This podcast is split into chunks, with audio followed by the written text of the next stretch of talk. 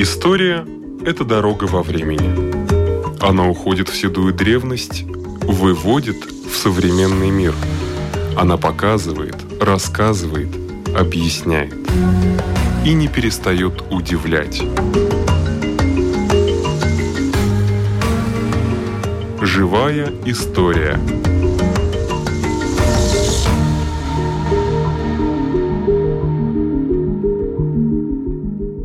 Микрофона Лидия Чера.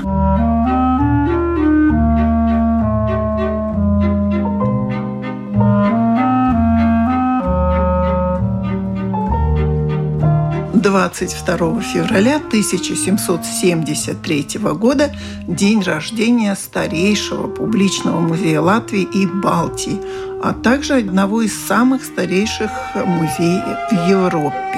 Это Музей истории Риги и мореходства.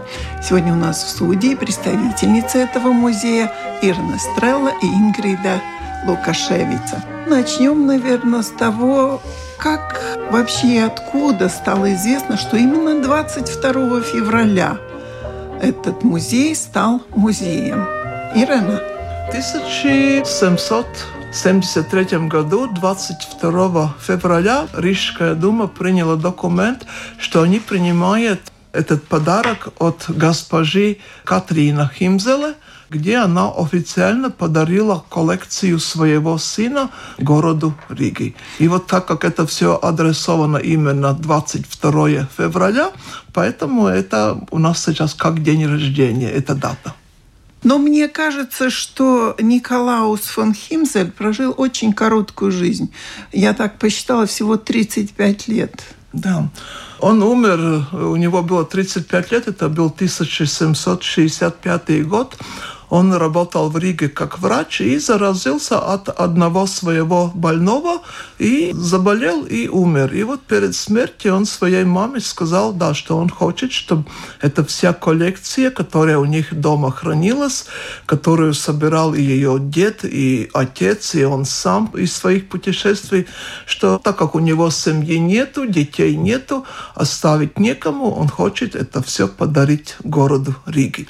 И тогда это все осталось его маме, Катрина. Потом она тянула время, но потом в 1773 году официально это все передала городу Риги. Это были предметы искусства и какие-то природные коллекции, да? Там было все. Знаете, как люди в 18 веке любили очень много путешествовать. И Химзелис тоже, когда он закончил свою учебу, он выучился врачом, он потом еще 4 года путешествовал по всей Европе. Очень многие государства посетил. И, конечно, как и мы все привозим разные сувениры, ну, все что-то покупаем, то у него была такая, да, интерес, что он э, исторические предметы разные привозил. И там было все. Там было и картины, и, например, единственная мумия, которая у нас в Латвии в зарубежном музее сейчас хранится, это тоже была Химзелисом привезена сюда. Там не было такой, чтобы он собирал только одного вида предметы. Ну, несколько тысяч этих предметов А что-то сохранилось до наших дней из его коллекции? Да, но очень малая часть сохранилась, и мы точно не знаем, сколько предметов было в этой коллекции, потому что нету списка. Мы знаем, что их было несколько тысяч, но сколько? Только то, что мы в музее сейчас нашли, у которых на этих предметах есть аннотация с надписью «Музеум Химзелис». Только такие. Так что предметов довольно мало сохранилось, и мы не знаем, сколько их было изначально. И эти коллекции, ведь они разошлись, наверное, не только в вашем музее остались, они еще куда-то пошли. Тем более, что место музея тоже менялось все время, название менялось, место проживания вашего музея. Но история музея очень сложная. Музей, когда создавался, он четыре раза менял свое место. И музей, там, где он сейчас находится, он только появился в конце XVIII века. 1791 году, когда был перестроена библиотека в колонном зале сейчас. И тогда он перешел. А так до этого он находился в разных местах, а название музей менял 9 раз. И первоначально это был музей Химзелиса, Химзеля музей. Потом, э, так как он находился уже в ансамбле Домского собора, его начали называть Домский музей, Дома музей. И потом там по-разному менялось, там и во время Второй мировой войны. И вот это название, как нас сегодня называют, Музей истории города Риги и мореходства, это с 1964 года. Это уже совсем близкое время. И почему такое поменялось? Потому что у нас с 1939 года была большая коллекция мореходства. И собирали тоже предметы, дополнялось это все с мореходством.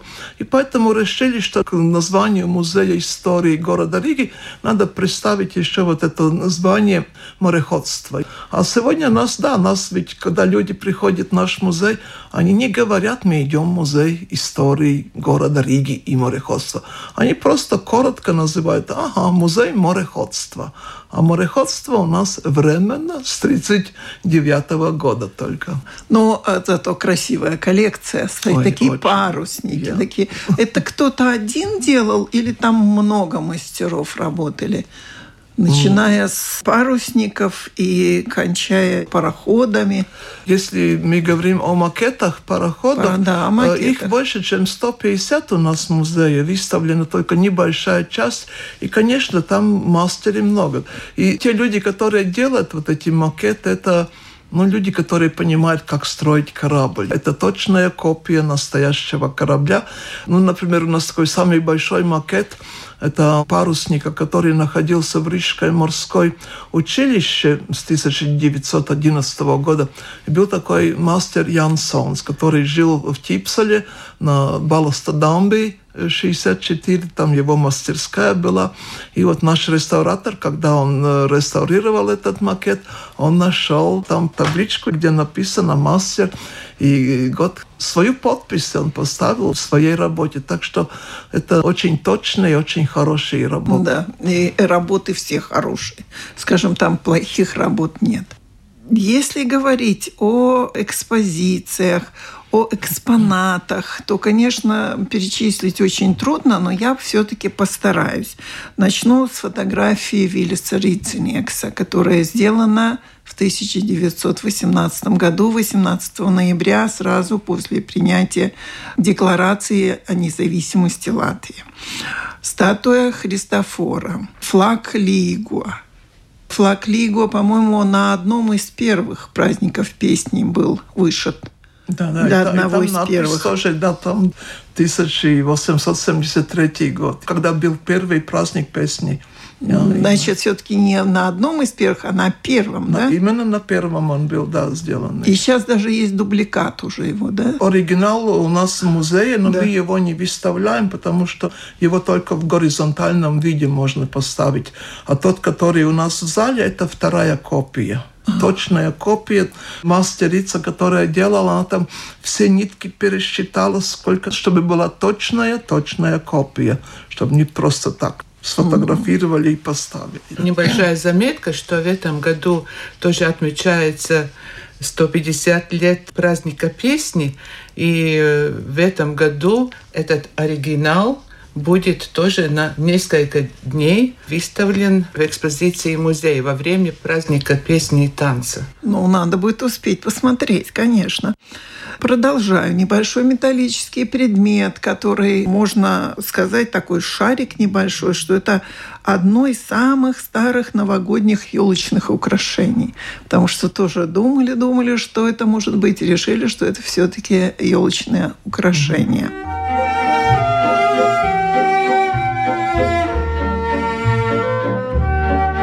Замечательные, опять же, макеты парусников, коллекция нот. Я тоже знаю, что даже сейчас, в наше время, по этим старинным нотам играли музыку. Тоже великолепно. Может быть, вы продолжите о каком-нибудь экспонате, который вам приходит на ум?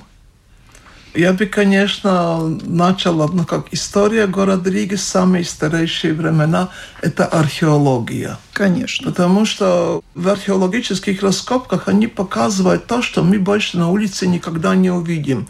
Это та история, о которой нам рассказывают только то, что у нас сохранилось в земле. А как мы знаем, у нас в Старой Риге культурный слой за эти 800 лет, пока Рига здесь мы живем уже от 3 до 5 метров. И эта вся земля, это как большая свалка под ногами. Она вся полна вот этими старыми предметами, которые рассказывают, как рижане жили 800, 700, 500 лет назад.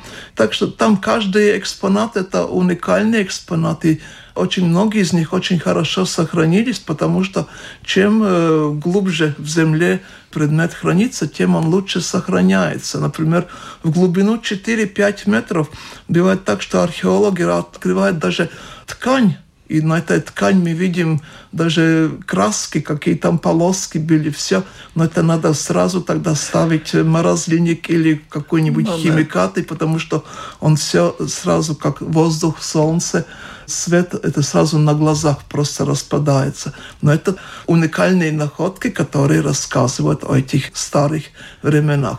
Большинство, конечно, мы видим и знаем то, что 18-19, там уже красивые предметы. Там уже просто есть глазами, где радоваться. Там очень много красивых и одежда, и посуда, те же самые оружия, как они красиво украшены, там все эти пушки и, и все. Там уже предмет рассказывает сам о себе, там даже не надо ничего рассказывать. А археология, там есть иногда люди приходят, а там осколки посуды. Ну, ну да, ну что да, нам да. интересно. Но это, да. но это, по-моему, самое ценное. Ну, это вам как историку, на ваш да, взгляд. Да. На наш, как, как потребителя, хочется видеть что-то красивое. Та же самая статуя Христофора. Она ведь одна из самых старинных экземпляров, по-моему, которая у вас хранится. Это вот деревянная, которая... Э, нет, э, старшая ее Мадонна на Луне. Э, а это что? Это, это картина? Э, нет, скульптура. это скульптура, которая была конец 15-го, начало 16 века. Ага, Большой ну, Кристоф, он немножко моложе. Ну, возможно, сто лет моложе он будет. Но это времена ганзейские, да? Ганзейские, я, ну, там деформация, конец угу. средних веков. Кристоп – это просто один из три чудеса города Риги, поэтому он такой известный нам, и он большой по размерам, но не самый старый, нет. Значит, надо еще раз ходить в музей и посмотреть Мадонну на Луне. Что-то я ее не помню как-то. Но вот 250 лет назад организовали и зарегистрировали ваш музей как музей. Какие будут мероприятия, связанные с этими днями? Будет ли что-то особенное? Ингрида, пожалуйста. Да, конечно, этот 2023 год особенный для нас весь год и в течение всего года мы будем делать как бы такой мост через века с 18 века на наш 21 с разными мероприятиями, посвященными этому большому цифру. У нас 250 лет. И 22 февраля когда в 1773 году Рижский магистрат постановил создать музей, назвал его именем Химзеля. Это, надо сказать, по старому стилю, и это мы все эти года отмечаем как символическую дату рождения Музея истории Риги и мореходства. И вот в этом году 22 февраля музей открывает год юбилея, и вся эта неделя, начиная с 22 февраля, будет э, разные мероприятия, посвященные открытию юбилейного года. И что это будет? 22 февраля, 25 февраля и 26 февраля в музее будет открытые двери. То mm-hmm. значит, что это будет бесплатный вход. Ждем всех, маленьких, больших, всех интересов э, да. разных. Все, кто э, да, потому что уже в среду, 22 февраля, когда музей будет открыт с 10 до 5, и открытые двери. В музее будет уже новая выставка видна, посвященная этому юбилею, где мы сможем видеть историю музея в старинных фотографиях, как выглядели наши экспозиции много десятилетий назад. И в этот день и будет открыт такой стенд с уникальным экспонатом из коллекции Николауса фон Химзеля. Mm-hmm. И это будет такая выставка одного предмета, который будет э, меняться в течение всего года каждый месяц. Каждый месяц будет э, показан один предмет уникальный из коллекции вот этого Химзеля, как Ирена сказала, с сигнатурой музея Химзелиса. И известно, что будет первое? Известно, но мы это как бы сохраняем в тайне, в тайне ну, что надо прийти в этот день и посмотреть. Хорошо. Это будет интересный предмет со своей ну, легендой, историей, так же, как все э, следующие предметы. И, конечно, уже в эту среду, 22 февраля, будет и предоставлена экскурсия – это все сможете видеть в нашем сайте, в сайте да, и в Фейсбуке. Но особенно мы ждем всех посетителей, и рижан, и гостей Риги, в субботу и воскресенье, когда музей будет открыт с 10 до 8 вечера. Тоже будет открытые двери всем, бесплатный ход и особая атмосфера во всем музее немножко подробнее об этой программе тоже, но еще хочу сказать, что в эти дни 25 и 26 будет и открыта крестовая галерея Домского ага, собора. Это внутри но, во дворе. Да, но крестовая галерея будет открыта только с 5 вечера до 8, когда здесь тоже зажигается магия света. Но это особая атмосфера, которой мы даже еще сами не знаем, какая небывалая в нашем музее, которая будет царить в эти дни, в субботу и воскресенье, экспозиции, эти века истории Риги и возможности магии света 21 века это было создано. И особые такие праздничные программы в эти дни, в субботу и воскресенье, много экскурсий, много сюрпризов и много что будет узнать и увидеть. Так что приглашаем всех 25 и 26 февраля с 10 до 8 в Музее истории Риги и мореходства – будет праздничное настроение, будет особая атмосфера в небывалых огнях, цветах, будет экскурсии, будет сюрпризы посетителям. Ясно. Заинтриговали, надо идти. Я только хотела сказать, что, конечно, вам хорошо история музея в фотографиях, потому что один из филиалов вашего музея – это Латвийский музей фотографии. Да, да. Это один из трех, а есть Да, но надо сказать, дом. что и в нашем музее есть большая коллекция фотографий. Так что эти фотографии в основном будут из э, коллекции нашего музея истории Риги и мореходства. Эти уникальные фотографии, там их э, будет не очень много, но каждая из них будет уникальная, так что сможем увидеть эти залы, по которым мы шагаем Да. и смотрим сейчас, но как это было даже сто лет назад. И, конечно, все-таки хочется сказать несколько слов о том, как спасали во время Второй мировой войны многие экспонаты, которые во время Второй мировой войны удалось спасти из коллекции музея. Коллекция музея, она выросла у нас уже больше, чем полмиллиона предметов хранится. Но музей начался только, ну, несколько тысяч их было. И такое, наверное, самое трагическое время нашего музея было 1944 год, когда уже менялась ситуация во время Второй мировой войны. И тогда решили из города Риги вывозить музейные экспонаты, предметы и латвийский архив. Эти все предметы Латвийского музея, нашего музея истории города Риги и архивные материалы, это все погрузилось на корабле, и это все увезли в Кенигсберг, Калининград сегодняшний. Да, да. И там 8 вагонах это все погрузили, и на поезда хотели везти в Германию, так как знали, что Красная Армия уже приближается. А, но эти предметы, это все дошло до Чехии сегодня, и там они застряли. И, в принципе, до 1946 года они там находились, в это время там ну, были несколько музейных работников. Большинство из них, они потом остались э, на Западе. Но одна из музейных работников, Мэрия Гринберга, до конца сопровождала этих предметов. И ей удалось довести то, что в 1946 году эта коллекция вернулась обратно в Ригу.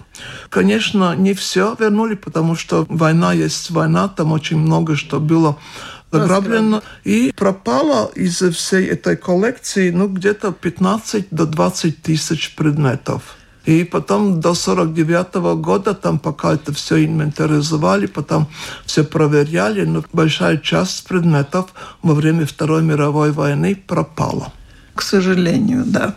Но эта история, по-моему, отображена уже в фильме даже. То yeah. ли в документальном, то ли в художественном, но есть фильм. Мэри исцелюемс. Да, да, да. Путешествие Мэри, о Мэри угу. Гринберг. Ну вот и об этом мы вспомнили, может быть, о каких-то еще этапах, которые были бы важны. Ну, я думаю, что год юбилея только начинается. Я надеюсь, что мы встретимся в течение года. Так что в музее, как я говорила, еще будут многообразные новости в течение всего года, и выставки, и другие новости, о которых надо будет рассказывать. Я еще хотела сравнивать, когда музей создавался – XIX веке. У нас есть документы, которые рассказывают, что музей был открыт только два дня в неделю. В воскресенье и в среду. Потом он уже работал больше, но он работал с 10 до 3. Потом есть такая статистика, что в 1910 году было в музее проведено 44 экскурсии. Это в год. А сейчас у нас в год где-то около 400 экскурсий. Еще в 19 веке музея за год посетили ну, примерно около 2000 людей. Но сейчас это у нас идет до 50 тысяч людей. Как за эти годы рос, например, как работали гиды, как э, посетители. И еще интересно то, что, например, в 30-е годы вход в музей был бесплатно. И тоже тогда делились, что были группы, которые платили. Потом было одно время, когда, например, все школьники ходили бесплатно, что только взрослым надо было платить. Так что музей был очень мало и редко посещенный, если сравниваем, как сейчас. Но работать он работал. И Всегда. еще интересно было то, что мне очень удивило, что у нас такая самая главная работа – это лето, когда музей работает каждый день. А, например, в XIX веке было так, что летом с 1 мая до 1 сентября музей был закрыт. Он полностью не работал, потому только что, зимой. Потому что больше было сельскохозяйственных работ, наверное. Наверное. Поэтому. А сейчас вы работаете только в понедельник, вторник, у вас выходные, да? Ну, Это в зимний период. Но начиная с 1 мая мы работаем каждый день mm-hmm. до конца сентября. Ну, мы без еще... выходных. Уже в конце марта будет открыта выставка реставраторов в музее. В нашей студии были представители музея Ирена Стрелла и Ингрида Лукашевица.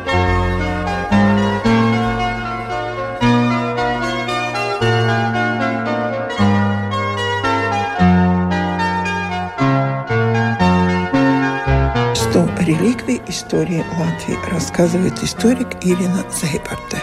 Одна из реликвий, которую мы выбрали в число этих ста реликвий, очень интересна не только своей, ну, например, историей, но даже и тем, что эта реликвия связана почти с э, кругосветным путешествием, через которое прошли латышские солдаты, латышские воины.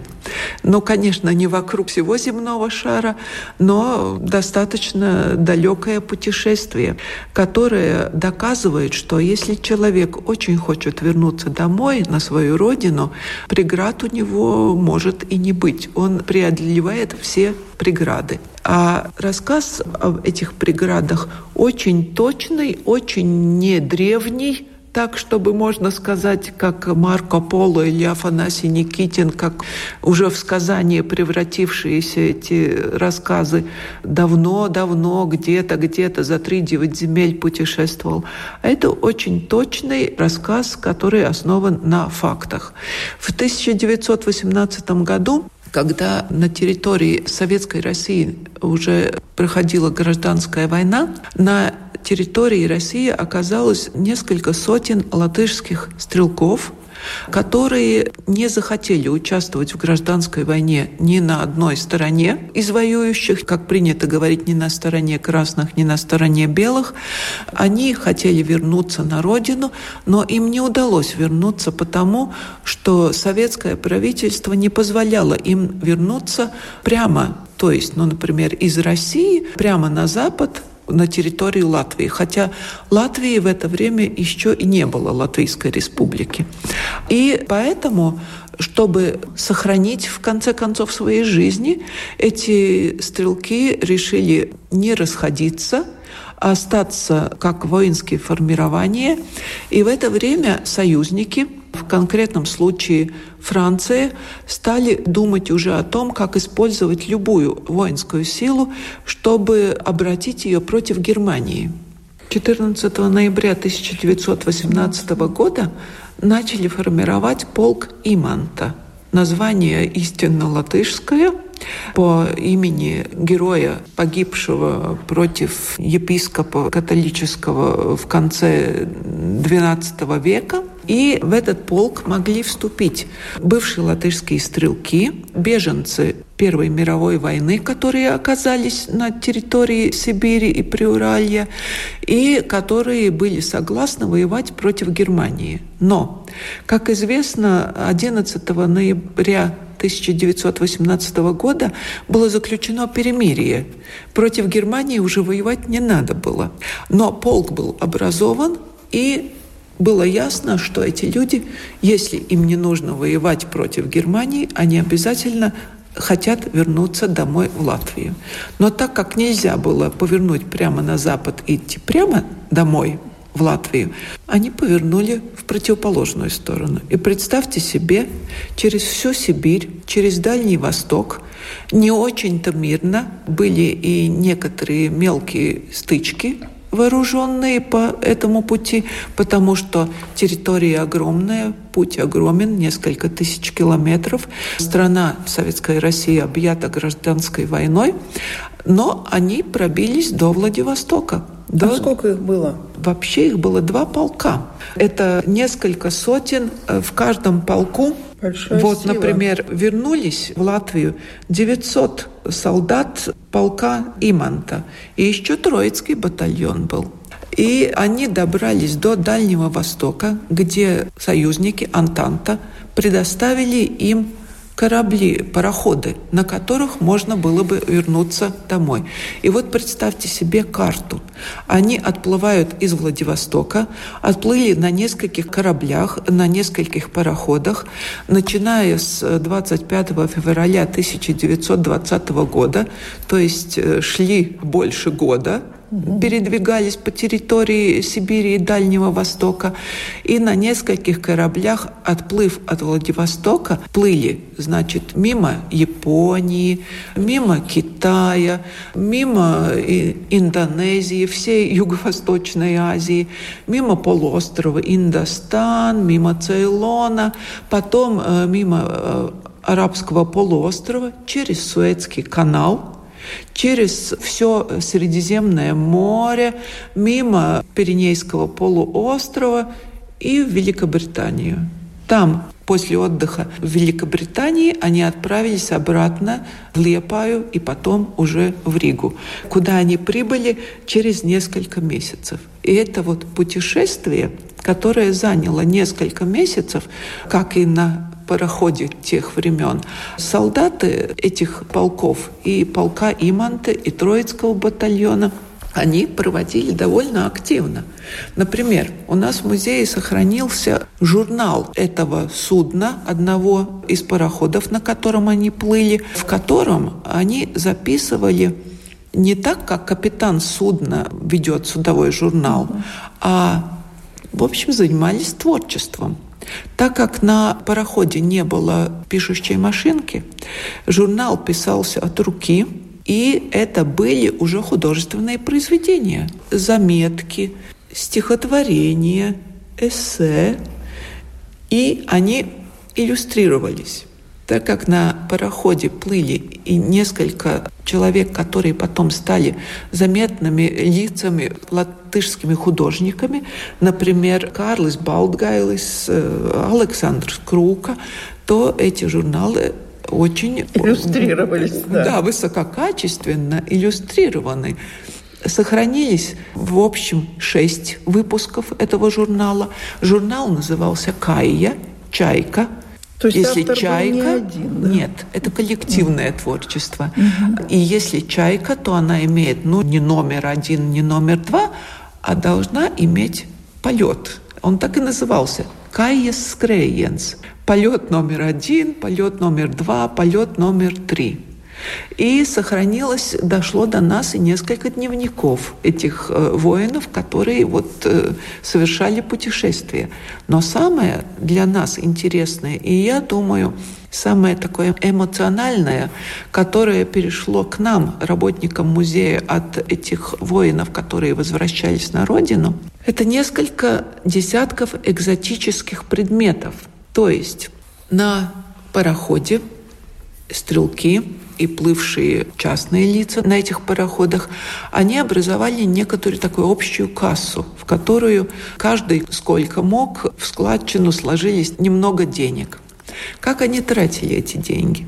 Про все я точно сказать не могу, но одну часть каждом порту, в который заходил пароход для того, чтобы ну, уголь загрузить, просто припасы загрузить и так далее, солдаты сходили на берег и покупали вещи, которые были сделаны местными ремесленниками и которые характеризовали местный быт. Например, как жили люди и что изготавливали в Цейлоне, в Сингапуре, покупали эти вещи. Но Потом уже на музей против тянет. квитанции именно на музей. Потом они получали из этой общей кассы квитанцию, на которой так и написано для передачи в Латышский музей. Они еще не видели Республику Латвии, они в ней никогда не были. Они только думали, что они возвращаются, что хотят возвратиться домой. Они только знали, подозревали о том, что тут есть музей – им казалось нужным из своих маленьких-маленьких, немногих бедных денег купить какую-то вещь, чтобы привезти и сдать в музей. И действительно, знаете, привезли, действительно сдали, сдали вещи, сдали эти квитанции, которые являются неопровержимыми документами того, что это так, как я рассказываю, и действительно мы их храним. Мы очень-очень гордимся этими вещами.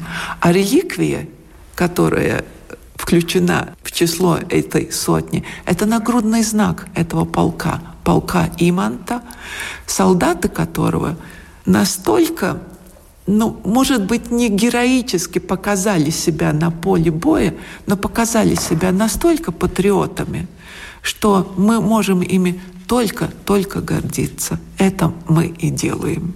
На этом наша передача заканчивается. Всего вам доброго.